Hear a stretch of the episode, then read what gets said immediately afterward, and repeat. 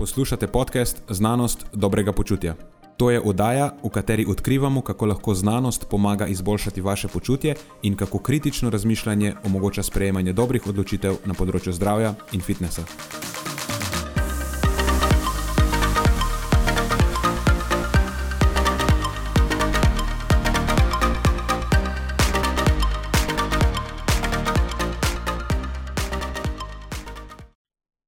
Pozdravljeni, z vami smo Nenad ter moja sovoditelja Marijo in Matjaš.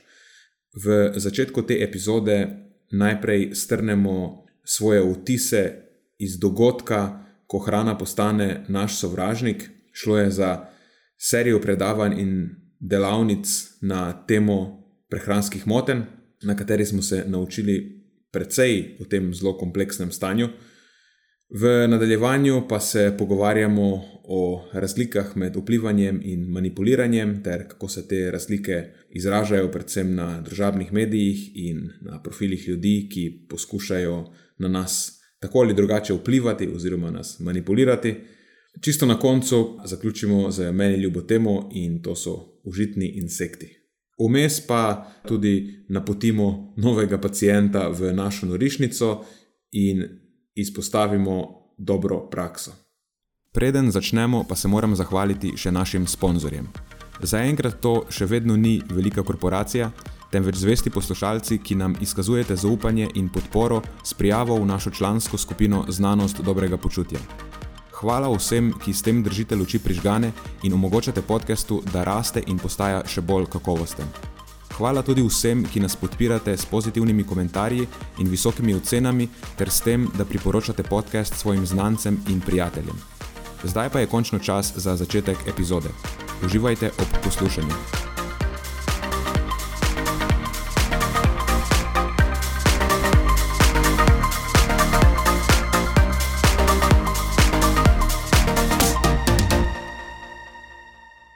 Danes je okrogla 70. epizoda.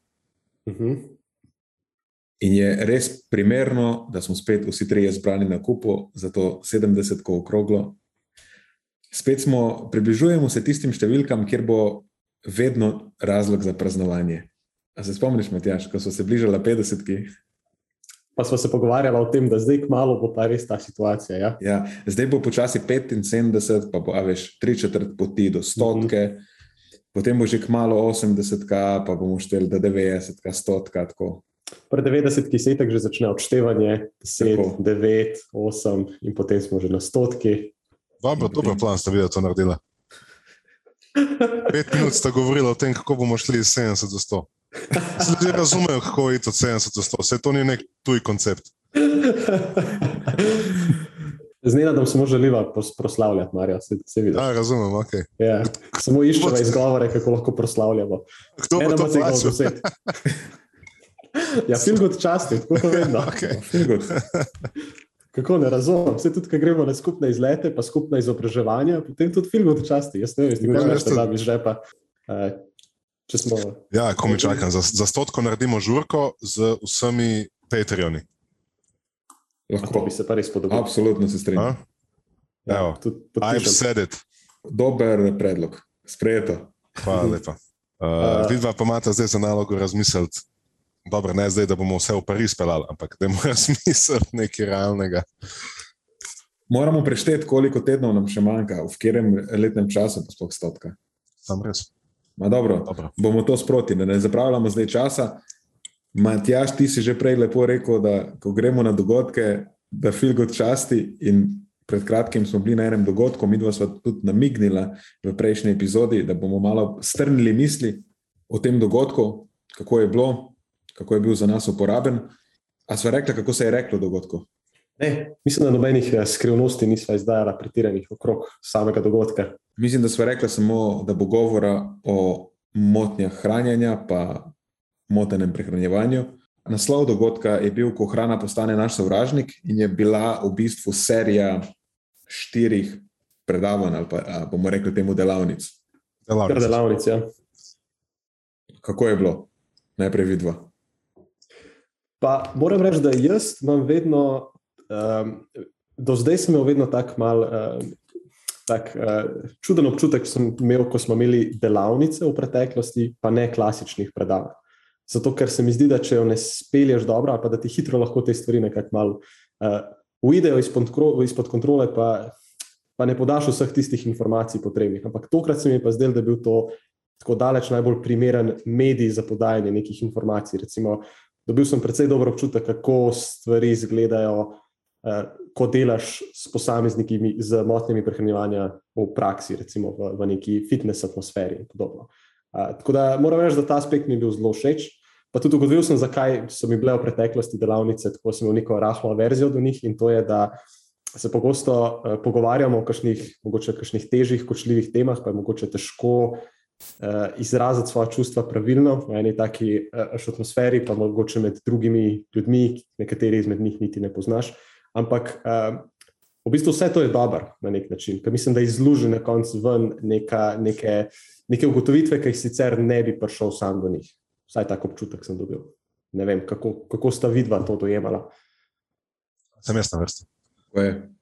Meni je bilo že v prvi vrsti, ko sem videl ta dogodek, ki si mi, si mi ti povedal, da sem videl objavo, ne vem, kako je že to bilo, sem pomislil, kako fino je, da lahko o tem tako na nek način komuniciramo, bolj odprto, da imamo celo delavnice, ki se jih oglašuje za ta namen o tej temi.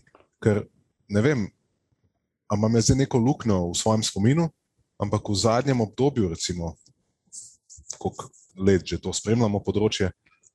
Jaz se ne spomnim, da bi bilo to neka stvar v, v, v prehrani, v kateri bi se tako razlagalo. Vedno je bilo ali pa govorilo ali pa reklamiralo, ali pa vedno je bilo to neka taka, tako šepetalo se je skoraj da ne o tem. To hočem povedati. Ni bilo tako, da imamo narediti delavnico, pa se iskreno pogovarjati o tem, pa da tu vse stvari na mizo, pa reči, da okay, je taka situacija.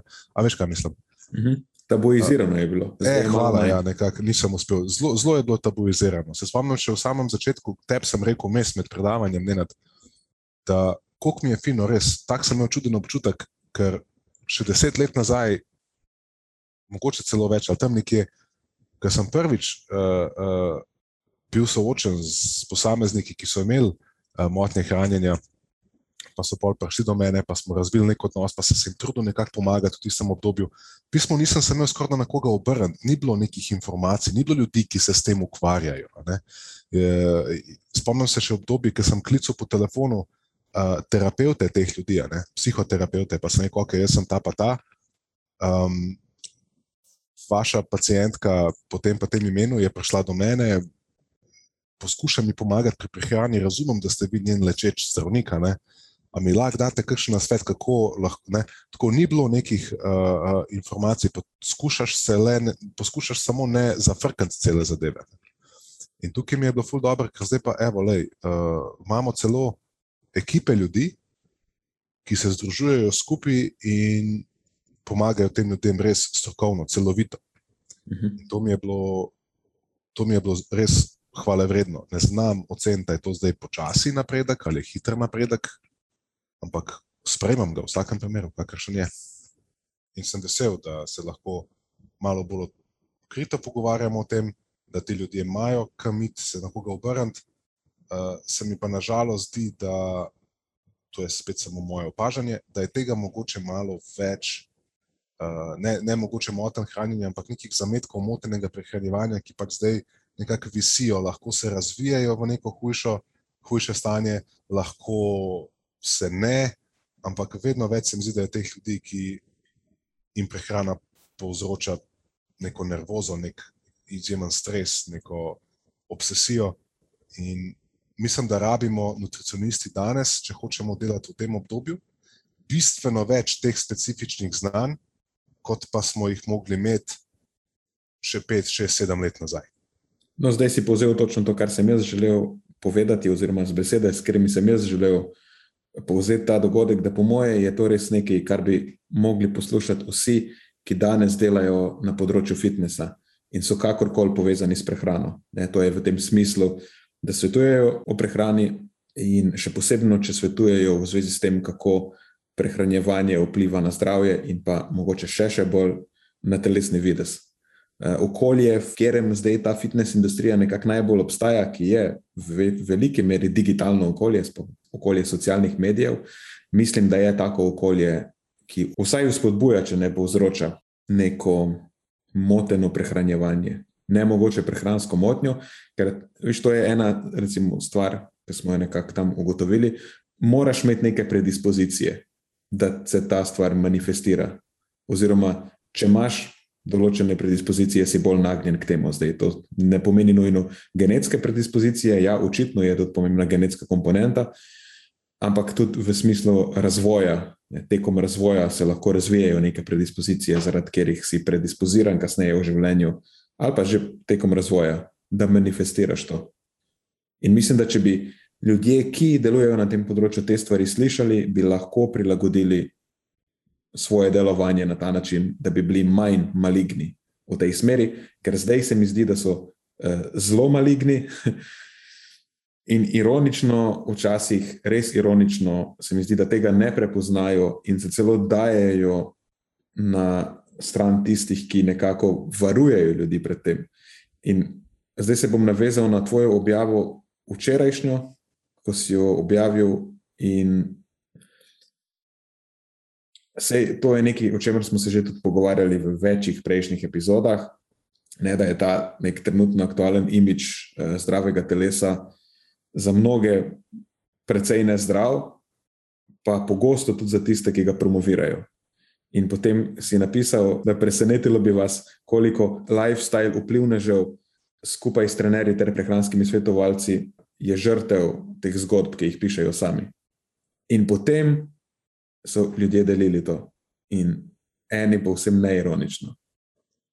In potem odpreš njihove profile in so reklama za prehransko motnjo.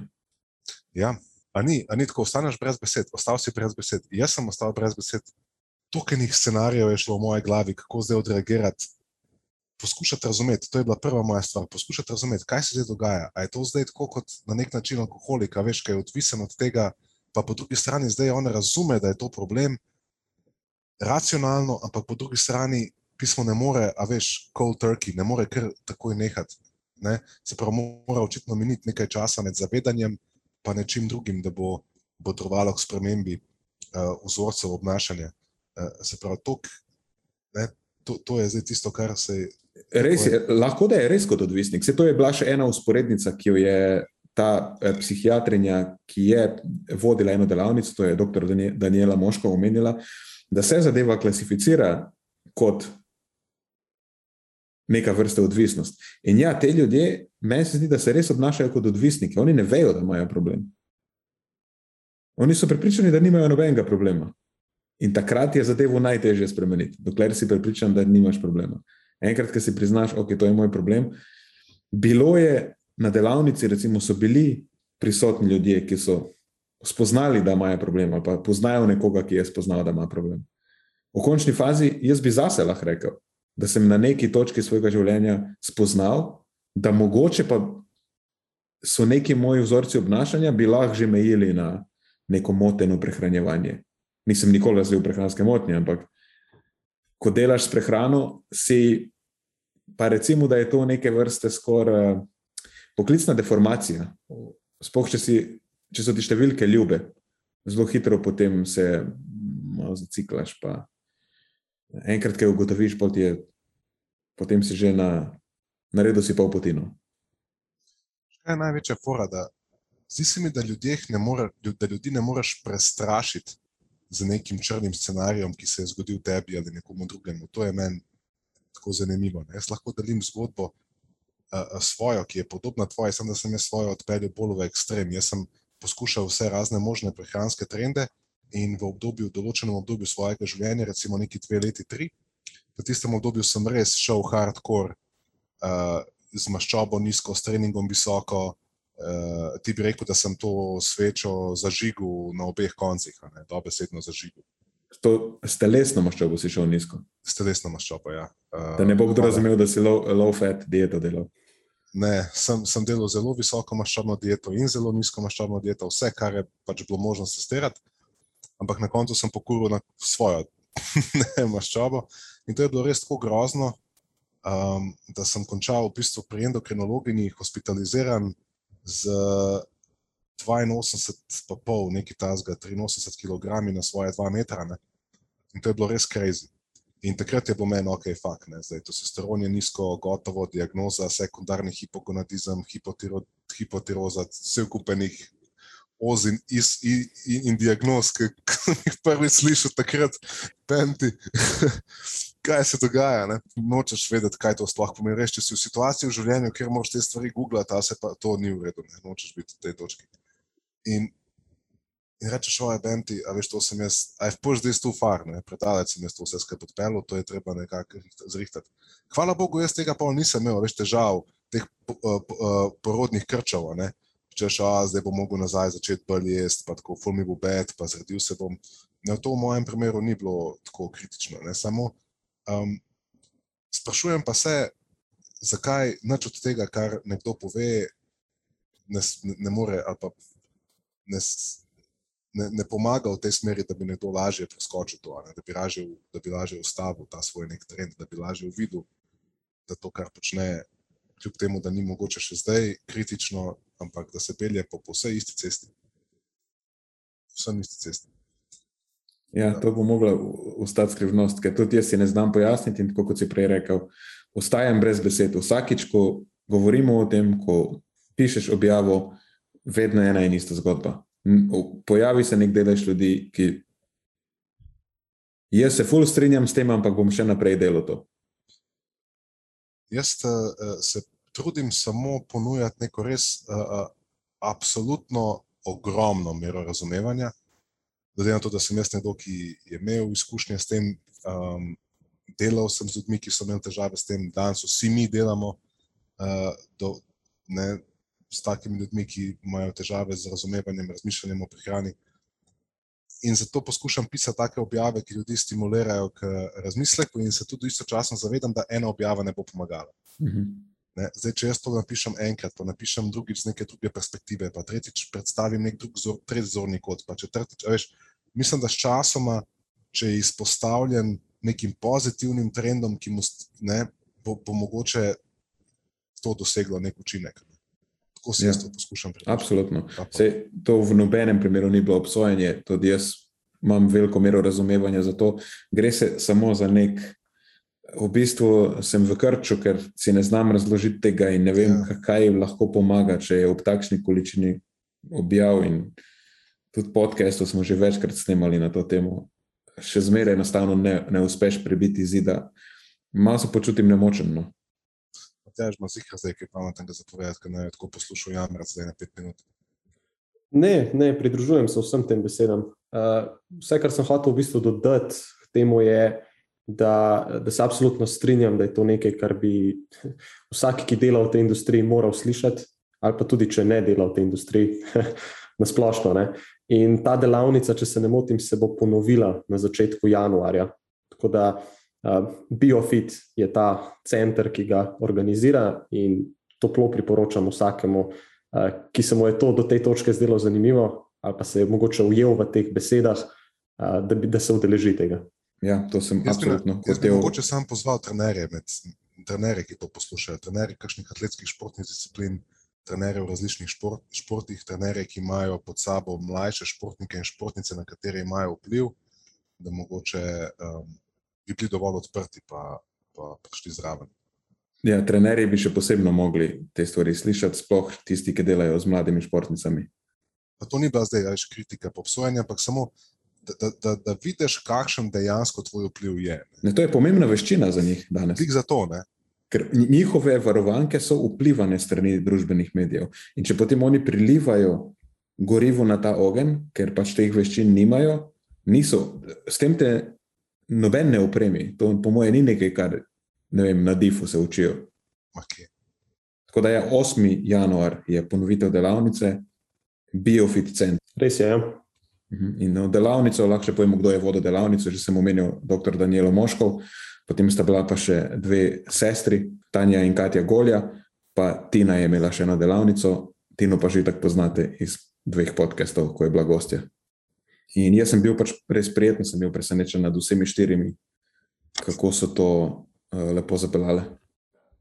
še predtem, mogoče nadaljujemo na drugo temo, je ena stvar, ki, ki sem jo odnesel še sabo, od tam je to, da mislim, se prej sem že vedel, da to ni nekaj, kar lahko mi, mi kakorkoli pozdravimo. Ampak še bolj sem humbled, še bolj sem ponižen v tem, da sem videl, kako dejansko težko je in da tudi v kompletu te neke celostne obravnave, ki jo delajo tam, kjer uporabljajo celo telesno aktivnost ne, kot eno izmed orodij, ki je zanimivo, zelo koristno in tudi služi kot nek vzvod v uravnavanju teh simptomov.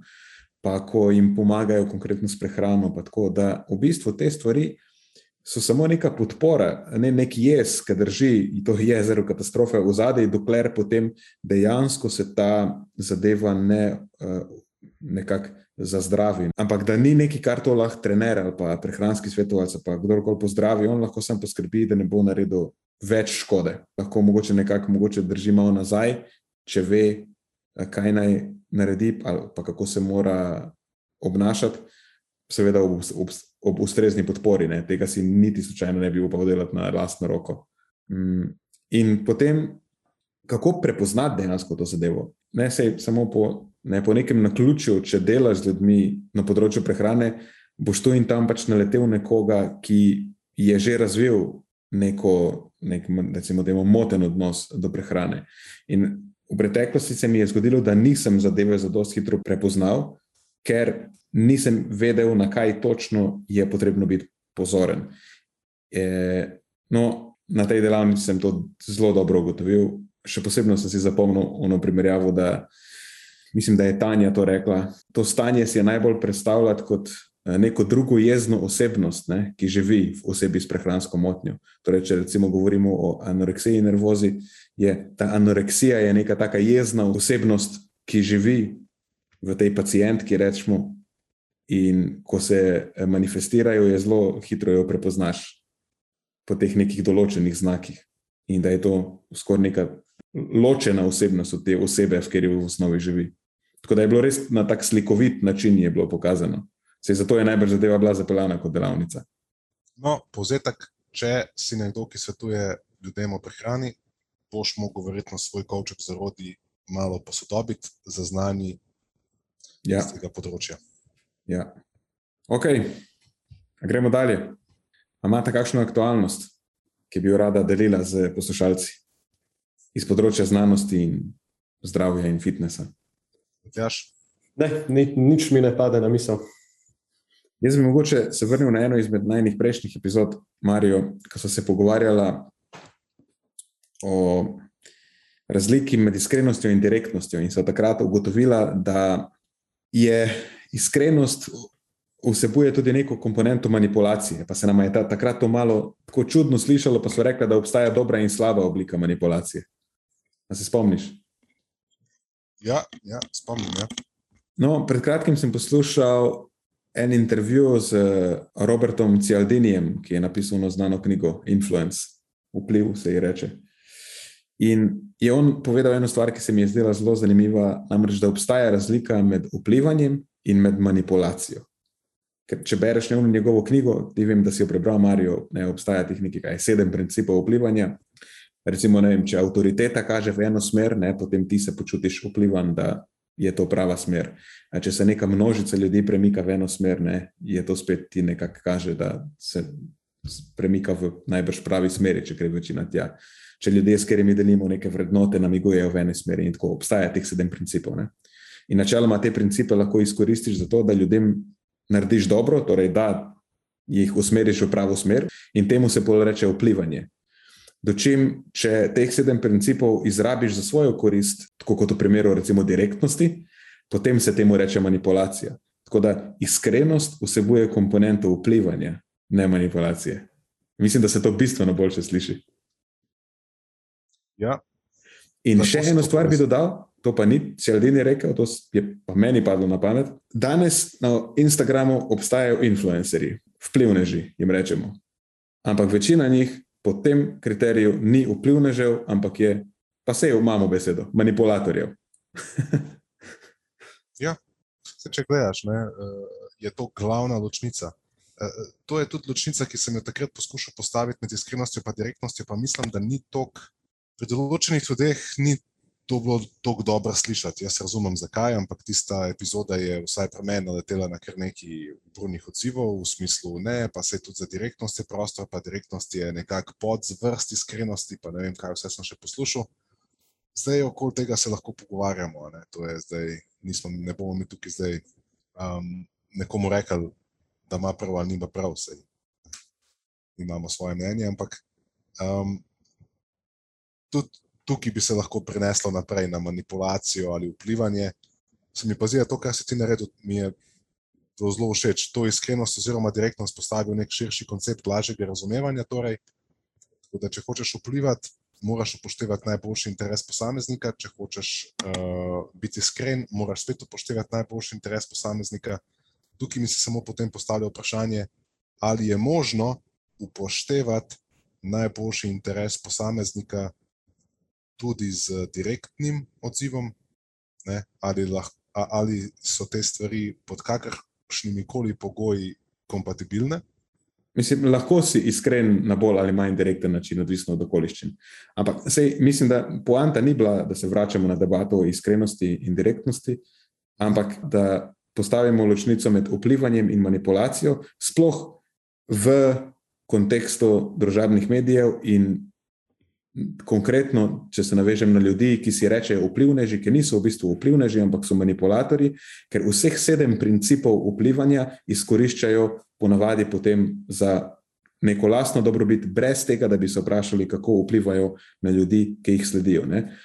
Če gremo čist po vrsti, po prvih treh, ki sem jih prej naštel, izdajajo se za avtoriteto in oni kažejo zdaj v eno svojo smer, kljub temu, da niso recimo avtoriteta. Imajo neko množico sledilcev, ki jih premikajo v eni smeri, ampak je spet njihova smer, ni prava smer. In izdajajo se, da imajo take vrednote, kot jih imate vi, ampak v resnici nimajo takih vrednot, kot jih imate vi, ampak je njihova vrednota, da hočejo z vami zaslužiti denar ali pa pač neke druge stvari, pridobiti več followerjev, kakorkoli. Ne, po vseh teh principih dejansko ne upoštevajo vaše dobrobiti, torej ne vplivajo, ampak manipulirajo. In Potem v nadaljevanju je Cialdini še dal dve dobri vprašanji zraven, tako čez pragmatično, kako lahko zelo na hitro prepoznaš, da te nekdo hoče vplivati ali manipulirati, da se vprašaš, kakšne so njegove kompetence, kaj ve o tej temi. Ko vidiš neko reklamo, pa tam neka znana oseba, ne vem, reklamira avto ali pa karkoli, se vprašaš, pa dobro, kaj on ve, mislim, o tem avtu. A je on res nekdo, ki bom zdaj kupil avto, zato ker ga fura, kaj pa jaz vem. Mhm. Kdo je zdaj trenutno znan? On ne ve nič, on je bil plačan, da pač posname to reklamo. Zato, ker ga on vozi, ni nič drugače, kot da bi ga vozil tam nekaj, veš, jože sosedov.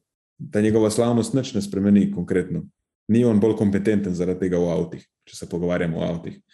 In potem drugo vprašanje je, kakšna je njegova agenda, ne? kaj on pridobi s tem, če mu ti verjameš. Zdaj, konkretno v tej reklami on je dobil denar.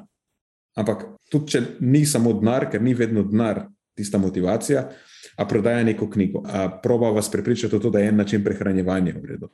Ali tako, kot zdaj oni, mu niso cepiva všeč, a veš, ne, kaj bo zdaj on pridobil, ali promovira neko ideologijo.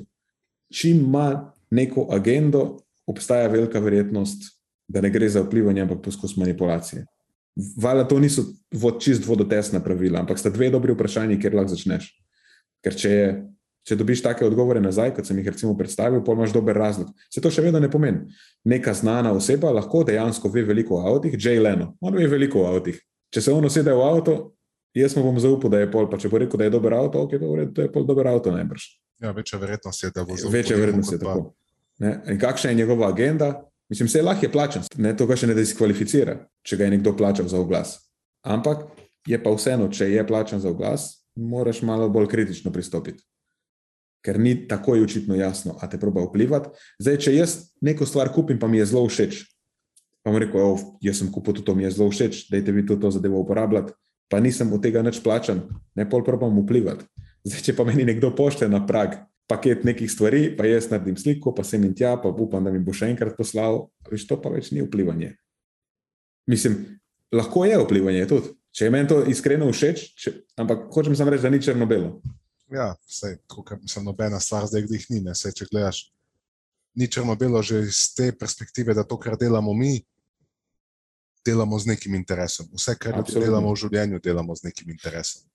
In ta nek stoprocentni altruizem nisem jih zihar, da obstaja zdaj. Ne, da, ja, tudi nam je v interesu preživeti, tudi nam je v interesu širiti brand. Sam, če gledaš naše vrednote, če gledaš, kaj mi damo, naš kontent, koliko v bistvu enih vsebin dajemo in kakšen je sporočilna vrednost teh vsebin, boste vedno opazili, da so glavne zvezde v teh vsebinah uh, vi, um, naši sledilci, ljudje, s katerim delamo. Oni so vedno zvezde naše zgodbe. Um, vedno vse, kar počnemo, kar pišemo, kar uh, uh, poskušamo nekako vam približati, je z namenom, da bi bilo vam lažje. In ja, posledno, pos, ne, posredno tudi, tudi uh, mi ne delamo tega zastojno. Ampak ne, kaj je zdaj primarni interes, kakšno obliko je zapakirana vsebina. In zato, kar si dobro rekel, če pogledaš večino vsebin na socialnih medijih, imaš. Uh, razne kodice v objavah za ne vem, tisoč in en izdelek. Uh, uh, spet razumem, kaj si rekel. Ne? Lahko da je nekomu to dejansko všeč. Sam kakšne na ključe, da ti je glih 26 stvari, ki jih reklamiraš, enako všeč. Ne? ne. Ja. Zato je to nek filter, ni glih čist, da te obranijo lahko ta vprašanja, ker v bistvu po teh vprašanjih lahko bi tudi nas prefiltriral, če bi se jih držal kot pijanec plota.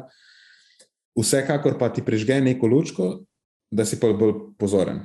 Ampak, kot si povedal, vse naše tri glavne vrednote, mislim, da dobro povzamejo, zakaj nekako se probujemo mi ločiti, ker so kritično razmišljanje, integriteta in iskrenost. Na nek način to garantira vplivanje, ne manipulacijo. Jaz dejansko, če se držim teh vrednot, spoh integritete, ne morem reči nekaj, kar bi samo izpolnjevalo moj, mojo agendo, brez tega, da razmišljam, ali je ta informacija točna in ali je dobra. Jaz bi tukaj opozoril samo na en, en zapik, en, uh, eno skrivno točko, ki je zelo pogosto uporabljena kot opravičilo za svoje manipulativno dejanje, in to so dobre nameni. Uh mhm. -huh.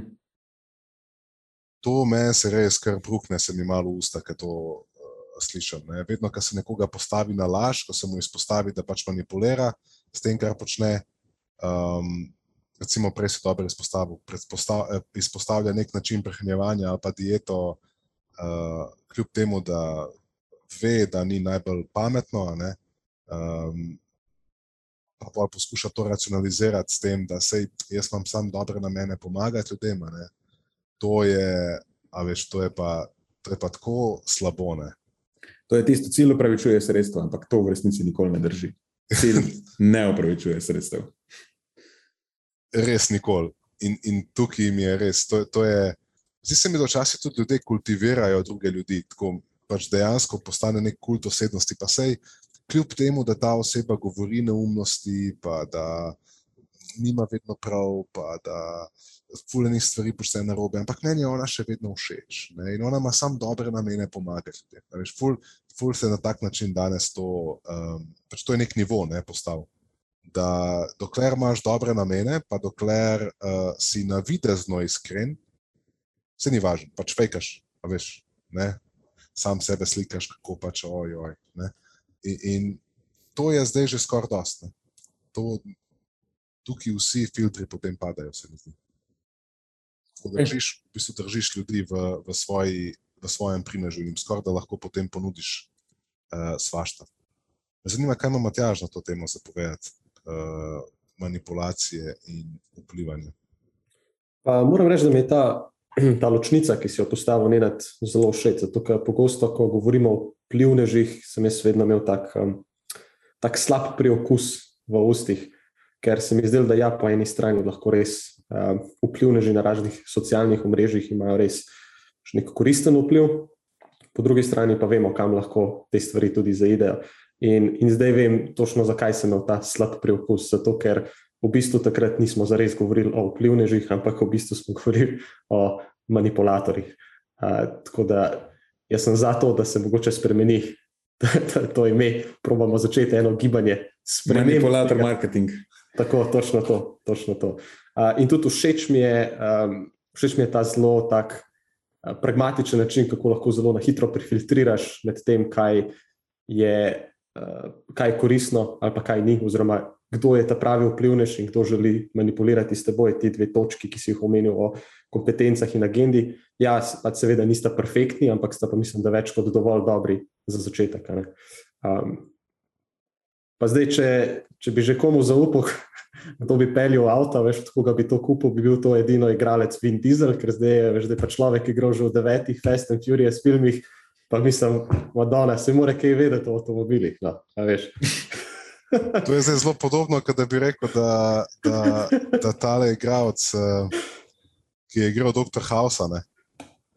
On je igral Lori, deset... pa, halo, Maga, to, je, to je tvoj idol, moš vedeti, da je Hugh Lori. ja, sem ne bi, šel, ne bi šel k njemu, da me operira, prijatelj. Mislim, ja, bi šel na eno, veš. Glede na to, da se Fast and Furious uvršča v kategorijo znanstvene fantastike, ne vem, če bi mogli zaupati, glede na to, kaj se tiče avto. Vse od drugega filma dalje, ZF. Ja. En, en sem dobil konkreten predlog, kako lahko ljudje po, eh, dobijo sliko zdraven tona, manipulacije in plivanje. Vzamem profil Matjaža Macuha ali pa Neja Dakoviča, vzamem recimo njegove objave na, na, na, na Instagramu, neko vsebino, kjer piše vem, o mlečnih izdelkih, o vplivu vitamina C vzamem, recimo, vzamem to, pa naredim screenshot. Pa pa pejt na popolno postavo, ali pa pejt na, na uh, kakšno izmed teh, ne, pa naredim screenshot njihove zadnje objave, ali pa na malince, recimo. Pa, pa naredim isto screenshot, zdaj pa primeri ti dve vsebini. Videl boš zelo jasen prikaz tega, o čemer govorimo. Na eni strani imaš vplivneža, ki pač je jadnik z 1500 followerji, in na drugi strani boš videl manipulatorja, ki ima 20 tisoč followerjev in je na seznamu top 10 influencerjev v Sloveniji. Sam tako, da vidiš, kaj vse je fucking narobe. Hoče se reči na listi top 10 manipulatorjev. Manipulatorjev, ja, manipulatorjev v Sloveniji, ne, ki jih v bistvu slavimo in jim dajemo medijski prostor. In, se, in to se nobenemu ne zdi pač sporno. Nobenemu novinarju, ki, ki, ki to počne, ki tem ljudem da izpostavo, ne vidijo v tem nič narobe. Drugač, lepo, da si napeljal v tej smeri. Danes je skupno epizodo snemamo in že dolgo časa nismo nobenega pospremili v našo norišnico. Eh, pred epizodo smo se pogovarjali, da bomo točno gospoda popolno postavo, končno, ker mu je že res čas, pospremili v to norišnico. In se mi zdi ta epizoda tudi izjemno primerna, da to storimo, ker smo se na, začetku pogovarjali o tem, kako trenutno okolje, v katerem obstaja fitness industrija, na nek način goji, skoraj če ne povzroča moteno prehranjevanje ali pa prehranske motnje. In se mi zdi, da je on en res zelo dober primer, kako uspodbujati ljudi v moteno prehranjevanje. Ne smeš tega, to so živila, ki te bodo ne vem kaj, da ti bodo zrasli rogovi. Eh, samo to moraš eno stvar umakniti, in se bo zgodilo to. Teh pet živil, to so največji škodljivci na svetu. Ta črno-bel pristop, zelo rigiden pristop k prehrani, mislim, da on najbolj pooseblja tisti res najbolj maligen pristop k prehrani. Pa ne, pa ne samo to. Ne, uh, zdi se mi, da ne samo iz prvega dela, da se ujema s tem, ampak predvsem tudi iz drugega dela tega podcasta, ker meni pa popolna postava pooseblja nekoga, ki je klasičen manipulator. Uh, še posebej s svojim stilom komuniciranja, s tistimi videi, uh, z načinom podajanja informacij, z, z zelo tarčnim, nadležnim oglaševanjem, če se mhm. lahko tako izrazim. Ne vem, da uh, sem šel pa za hedge kdaj preveriti, kakšen ta izdelek, uh, kjer seveda naletiš potem poleg tega na nek dolg zapis, zgodbico, zrfa zgodbico, kakor tudi video posnetek. Z tem bi ti rekel, ne alternativno fiziologijo, ne nekimi izmišljenimi klejmi, kaj ta zadeva lahko naredi v telesu v zelo omejenem časovnem obdobju. Uh, in potem sem bil, seveda, še, še do danes bombardiran strani tega oglaševanja, uh, in imam občutek, da bo še, še nekaj časa trajalo. Ne? Tako, mislim, da poseblja točno to. In pazi to, Miha Geršič je odkrit manipulator. Njega lahko poslušaš na nekih podcestih, njega kot osebo, ne gospoda, popolno postavo. To sta dve različni osebi. On nič od tega, po mojem, ne verjame, kar govori v glasih. On je pameten model, on ni neumen. Fa, fajn fant je. Mislim, če ne bi vedel, da je manipulator, da je to njegov biznis. Ne. To lahko je, to je znak ločiti- dobrega manipulatorja. Ja, se lahko probamo ločiti osebno, pa rečeš, vse to je samo moja služba. Ne? Ampak poje to. Zdaj, nekdo je vojni dobičkar, pa je sicer fajn fant, pa bi mi dva lahko bila prijatelja. Ampak vse nekaj pove o tvojih vrednotah, to, kako služiš denar. Ja, res je. Sej, to prej sem hotel reči, da to se že dobro poznava, da a veš, jaz, jaz uh, podam, ne, plasiram in pa ti zakucaš. Ne. Zato sem omenil popolno postavo prej, ne. ker sem vedel, da pridemo v ta del, to bo ne nas zdaj zagrabil. Um, jaz sploh nimam, ok, imam, bom se potrudil najti nekaj lepih besed. Vse ste v bistvu že povedala. Um, od samega štarta poznam popolno postavo, ne pozabiti, sem dinozaver, tukaj še prednji je to sploh obstajalo. Uh, poznam tudi njega, sem videl. Pač to, kar je Nenad povedal, se mi zdi, da je zelo dobro, zelo globino zadane. Da, da res skoraj da obstaja tukaj razlika med imenom in priimkom in potem tem, kar se počne pod uh, brand nameom, popolna postava. In uh, res moraš imeti res, mor, mislim, res moraš biti brez obraza, da, da, da lahko um, sprejmeš neke take pogoje, ali mora biti pa ta denar res tako fucking amazing, da rečeš, ok, le se bom na nek način prodal. En ljudje ob tem lahko zaspijo in jaz na nek način jim res, ok, vsaka čast. Uh, jaz ne bi mogel, jaz bi se povedal sam sebe živ. Tako da mislim pa, da je to, kar se dogaja na popolna postava Facebooku, na, na to vrstnih oglaševanjih, ki jih on je sam, to je arhetip. Mi bi lahko rekli, to je, ne naj je dobro rekel, ma, najbolj maligen primer. To je tako vrh te, te neumnosti. In pol obstajajo drugi vzorci marketinga, ki prodajajo podobne stvari in poskušajo to posnemati. In to je, po moje, res, res en velik, uh, velik, velik problem, ki se nekako nekak mi je skoraj nepredstavljivo, da smo prišli v točke, kjer je to del našega vsakdana in smo sprejeli kot neko normalnost. Tako vsi gremo kar mimo tega. To, vsak od nas to vidi, ampak noben ne pokaže s prstom, noben nič ne reče, vsi mi to na nek način toleriramo. Eh, Pojavljajo se novi, ne, podobni profili, ki poskušajo to posnemati, ker očitno je dobičkonosno, pa spet vsi mi enostavno to toleriramo, v redu je, naj bo.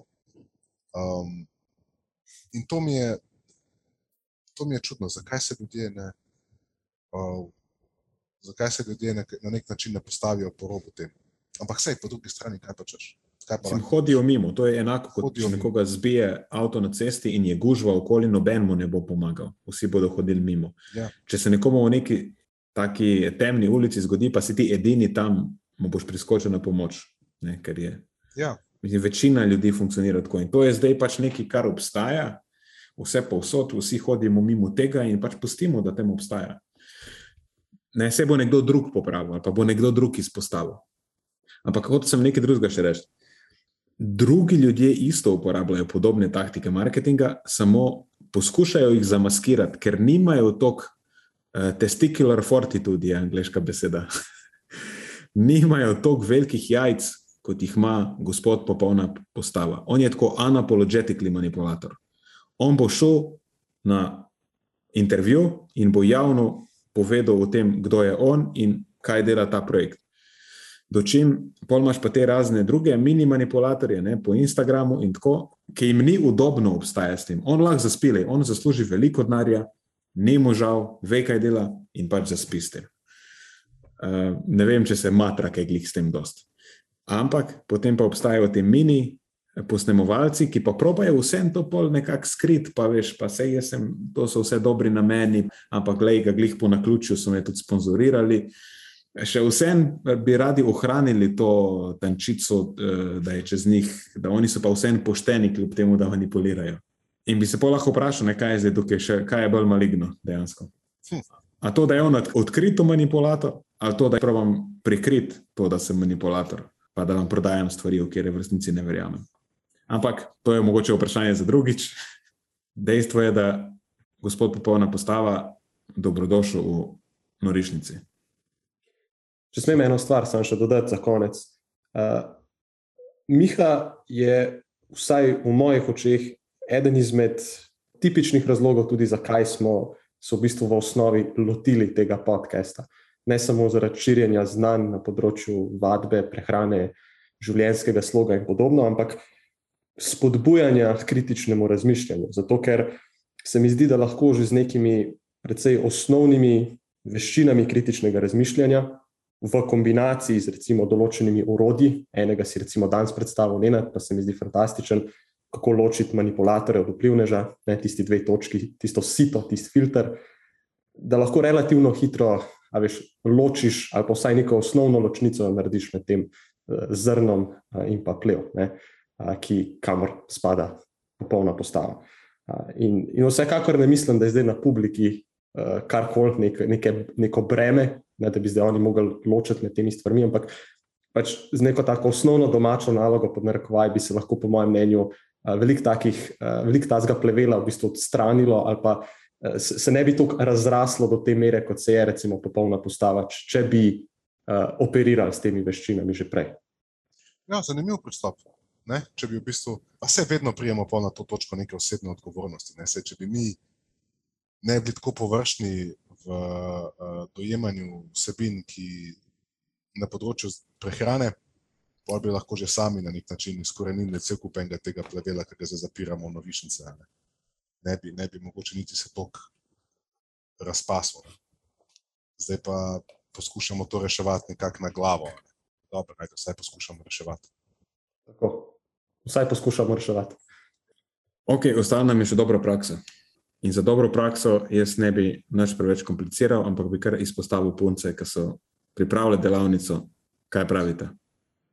Ja, ta, ta celotna ekipa, ki se ukvarja uh, z osebami z motnjami hranjenja, je en edinstven primer, ki ga jaz poznam na, na našem pač, ne, področju.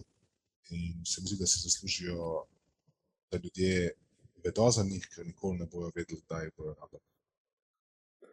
Ja, absolutno se strinjam in se uh, zahvaljujem puncem za, to, za odlična nova znanja, nove veščine uh, in pa pico, ki so nam jih častili na koncu ob skupnem druženju. ja, tisto je bilo ekstra. Vračamo v Ljubljani. Prijetna večerja in jo bomo vrnili, eh, ko se srečamo v Ljubljani. Nujno, ponovno na Filgud kartico.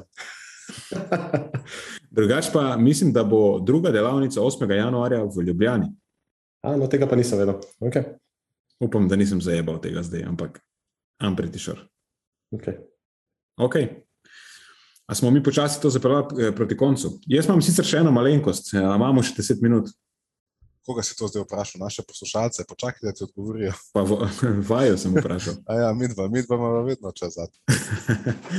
no, to, to razlišim. Ne, se je samo ena malenkost, navezuje se na eno izmed eh, tem, ki mi je zelo blizu, pa mogoče se bo zdelo komu zanimivo. Gledal sem en eh, dokumentarc, to je PBS-ov dokumentarc. Ta PBS je Public Broadcasting Service, to je ameriška javna televizija, tako kot recimo RTV pri nas. In snema serijo znanstvenih dokumentarcev, ki se ji reče Nova, ki pač, mislim, da nekaj, nekajkrat letno izide in vedno se ukvarja z eno aktualno tematiko iz področja znanosti. To je zelo podobno, a imamo pri nas kako tako serijo na RTV. Vem, da BBC, recimo Horizons, je bila prva oddaja takega formata, ampak se nima veze. Imamo samo griznimo znanost. Ja, recimo, da je to neka vrteška varianta tega. ja, lahko bi bilo recimo tako. Um, no, ampak naslov te nove epizode je bil Edible Insects, torej insekti za pojest, užitni insekti. Tako da oba dva vidva vesta, da je to nekaj, kar je meni izjemno fascinantno in da komaj čakam, da bomo lahko v sodobno prehrano uvedli tudi insekte, ker pač tradicionalno ljudstvo druge po svetu, spoh v kaj je to, Južna Azija, pa Jugovzhodna Azija, jih kar redno uživajo, pa je tam to neka delikatesa. No, mi pa po nekem čudnem naključju v bistvu čutimo gnus do njih, ker zgodovinsko gledano so bili insekti pomembna eh, hrana za ljudi. Sodobni človek je edini, ki se jih boji. Prav vidim, že enkrat sem prišel tebi na večerjo, pa kam mi spržiš one ščurke, joj. Ampak vidiš, ta reakcija, ne, to ni normalna reakcija. To je priučena reakcija. to je v enem segmentu te oddaje, so se glih s tem ukvarjali. Ni priučena reakcija. Jaz nikoli v življenju nisem jedel ščurkov, pa da sem zdaj se naučil, da mi niso všeč. Nisem jih nikoli jedel. Da... Ne me zdaj razočarati, ker to ni dobra smer razmišljanja. Ne, ne, ne, ne. Vse glih zato, ker jih nisem nikoli jedel, pa ker jih povezujemo z drugimi stvarmi, z gnusnimi stvarmi, načeloma, smo se zahodnjaki naučili, da so insekti gnusni. Ker če daš otroku insekta, se bo igral z njim, ne bo se ga bal. So reakcije, osebnostne lastnosti, ki so preučene, in one, ki niso preučene. In to pri otrocih lahko zelo dobro raziskuješ. Recimo, obstaja razlika med moškimi in ženskimi otroci, torej med fantki in puncami. Če jim daš nekaj igrače, bodo fantki preferirali načeloma stvari, kot avtomobilčki, pa neka urodja in tako naprej, dočim punce se bodo igrale bolj na tak družaben način, recimo s punčkami ali pa kasneje neke čajanke prirejajo. To je recimo uh, ženski način igre. In ta stvar je stvar naše evolucije, tudi delno, kot smo se razlikovali zgodovinsko med spoloma. In ta stvar je zelo robustna. To obstaja tudi pri šimpanzih, ta fenomen, ta ločnica med, med moškimi in ženskimi karakteristikami. No, kar se tiče gnusa insektov, tega ni. Otroci se ne bojijo insektov, ne gnusijo se jim insekti. In je to nekaj, kar smo se kasneje naučili.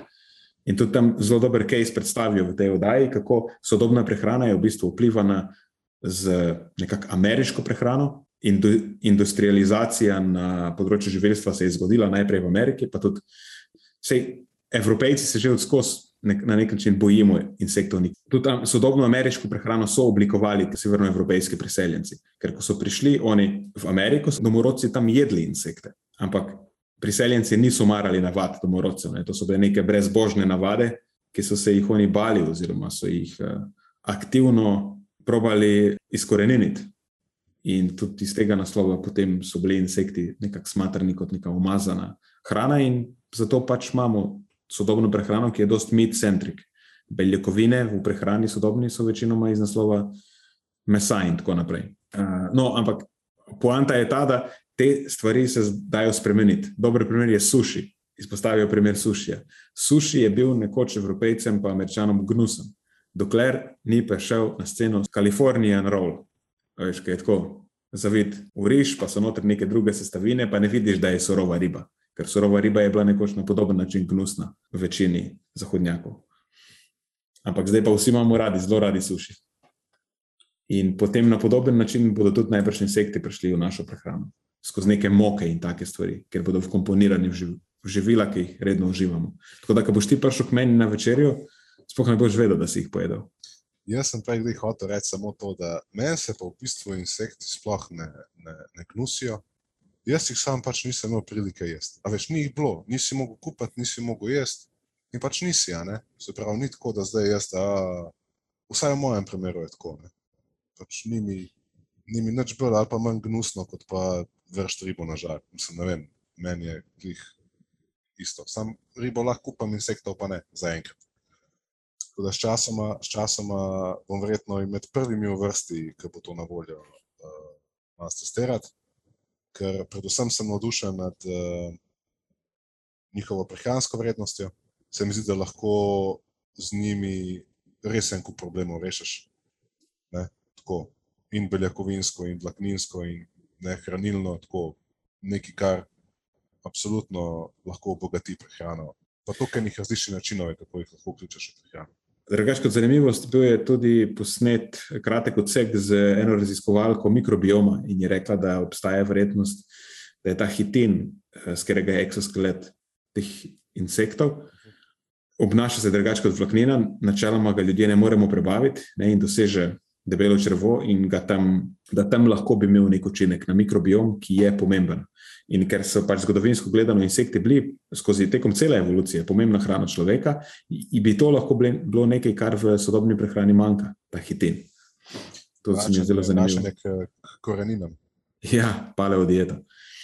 Mm, drugač pa še, še ena zanimivost je pa ta, da zelo dobro insekti sekvestrirajo stvari, ki jih pojejo. In če jih hraniš za krmo, ki ima visoko vsebnost kalcija, imajo tudi insekti visoko vsebnost kalcija. In potem je bila tam ena raziskovalka, ki raziskuje, kako vpliva, če jih hranijo s CBD-jem, ker obstaja verjetnost, da bi lahko potem imel insekte s CBD-jem. A s THC-jem tudi? Ja, to, pa, to pa mislim, da v Ameriki ni dovoljeno raziskovati za prehranske namene. Imáš na mestu unika, veš, kukijev, Ja, imaš črve. Evo, greh si si izmislil eno nišo. THC ličinke. Drugač, črvi niso insekti, ja, mimo grede. Oni insekti, ki izgledajo kot črvi, so v bistvu ličinke. Ja, jaz osebno se, se, se, se zelo veselim, ko bodo te stvari enkrat razširjene pri nas. Uh, imel sem leta nazaj priložnost, da sem probil enega izmed takih izdelkov, torej uh, nekaj takega, kar bomo najverjetneje najprej dobili pri nas na trg, ne si rekel, recimo v obliki mok, pa najbrž tudi v obliki kakšnih ploščic in podobno. Zdaj, konkretno tisto je bila pač proteinska ploščica iz, pa ne vem niti točno, mislim, so neki mokarji v igri ali kakorkoli že. Peva, čisto fino, sej v bistvu ne prepoznaš nobene razlike. Tako da mislim, da se bomo tako postopno lahko nekako upeljali v te izdelke. Uh, ko mi čakam, da lahko tudi športnikom svojim to priporočam, ker uh, beljakovine v insektih, zelo visoka um, stopnja, uh, mislim, zelo uh, kvalitetne beljakovine so tam notri, tako da nobenega problema, kar se tega tiče. Tudi za dete žuželke bi proval, to se sliši fantastično, THC mogoče ne bo šel skozi, CBD, ok.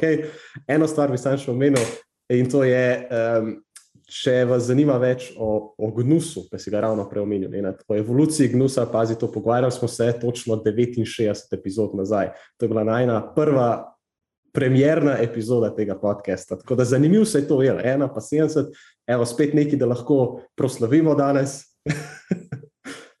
Drugače imam eno podjetniško idejo. Veš, kako se reče kukijem, onim piškotom, z, oziroma pač pecivo z uh, THC-jem. Lahko bi rekli tem insektom, če to res jim uspe, ne, da, jih, da ne metabolizirajo tega na tak način, da bi pač eh, ta THC se pol ne bi bil uporaben na ta način. In lahko rečemo bubiji. Tako da prosim, če bo kdo vzel to idejo, da nek delež od tega. Nek royalty pričakujemo. Ja, za bubije. Jaz pa imam eno vprašanje v zvezi s temi insekti. V kakšno pozicijo to pol postavi vegetarijanci? Ja, živali so insekti, mnogo. Vse tudi Ja. ja. meda ne jejo, vse čebele so tudi insekti. Ja, torej jaz bom mogel iti ven, izstopiti bom mogel ven iz tega svojega kulta. Klik to, ne? A veš? Ne, se Ja, ti nisi v kultu, se ti ješ mlečne izdelke. No, Da ne razumem, zakaj se sprenavedeš. No, veš, to je pa še ena, dar, to je pa mogoče debata za kdaj drugič, ampak eh, da je brez veze dajati neke, neka imena na vse te stvari, ja. zato ker eh, Ja. je to pač absolutno brez veze, že v prvi vrsti, v drugi pa evo, točno zaradi takih situacij, ker ja, jaz ne bi imel pa roko na srce nobenih zadržkov, kar se tega tiče, kljub temu, da sem že veliko časa uh, vegetarijanc. Ja. A Veš, in spoh, če si vegan ali pa vegetarijanc iz, zaradi tega, ker je nek okoljevarstven, recimo, razlog, da imaš, potem enostavno moraš biti čim prej, da se insekti čim prej uvedejo v prehrano, ker in ekonomični so, celo bolj ekonomični kot nekatere rastline, pač niso toplokrvni, pa ne zgubljajo več energije in izjemno učinkovito pretvarjajo krmo. Pa še ena zanimiva stvar, ki je bila isto v dokumentarcu omenjena. Če uspemo uvesti določene vrste insektov za prehrano, um, bo postala zavržena hrana mit. To je nekaj, kar ne bo več obstajalo. Ker bo določene vrste insektov, uh, če kako je že bila, nek black soldier fly, kako se ji reče, imali činke, ki posedujejo izjemno uh, širok nabor zelo močnih encimov v svojih prebavilih, in vse, kar jim daš za jesti, pojejo in učinkovito spremenijo v tkivo, ki ga lahko ti pol znova poješ. Tako da so popoln reciklator. So. Vse, kar bomo vrgli stran, s tem bomo nahranili te ličinke in bomo dobili nazaj znova hrano. In to kakovostno hrano, ker konvertirajo lahko tudi neke beljakovine, recimo, ki so za nas manj vredne, v visoko kakovostne beljakovine. To se sliši fantastično. Malo me spominja na moja najstniška leta. Zdi se mi, da vse, kar je bilo za odpad, si pač jaz potem pojedel na koncu in ne, nobenih odpadkov, kar se tega tiče. Nisem pa proizvedel hrane nazaj, nažalost. Evo, tako učinkovita mašina pa pač nisem. Ja, ti si to pokrvna žival, tako da si je veliko tega šlo v okolje. In zdaj v bistvu sem. Ja. Tratos. Klasična tvoja sposobnost delati, da razumeš ne resen komentar in daš semi resen odgovor nazaj. In po mojem lahko na tej točki zaključimo. To je za tokrat vse iz naše strani. Hvala, ker ste poslušali do konca. Delite epizodo s svojimi znanci in prijatelji in jo priporočajte dalje, saj s tem omogočite, da sporočilo znanost dobrega počutja doseže čim večjo množico. Hvala vsem, ki nas podpirate s članarino in tudi vsem ostalim, ki delite podcast dalje in nam izkazujete naklonjenost z visokimi ocenami in pozitivnimi komentarji. Se slišimo prihodnjič, do takrat pa ostanite premišljeni.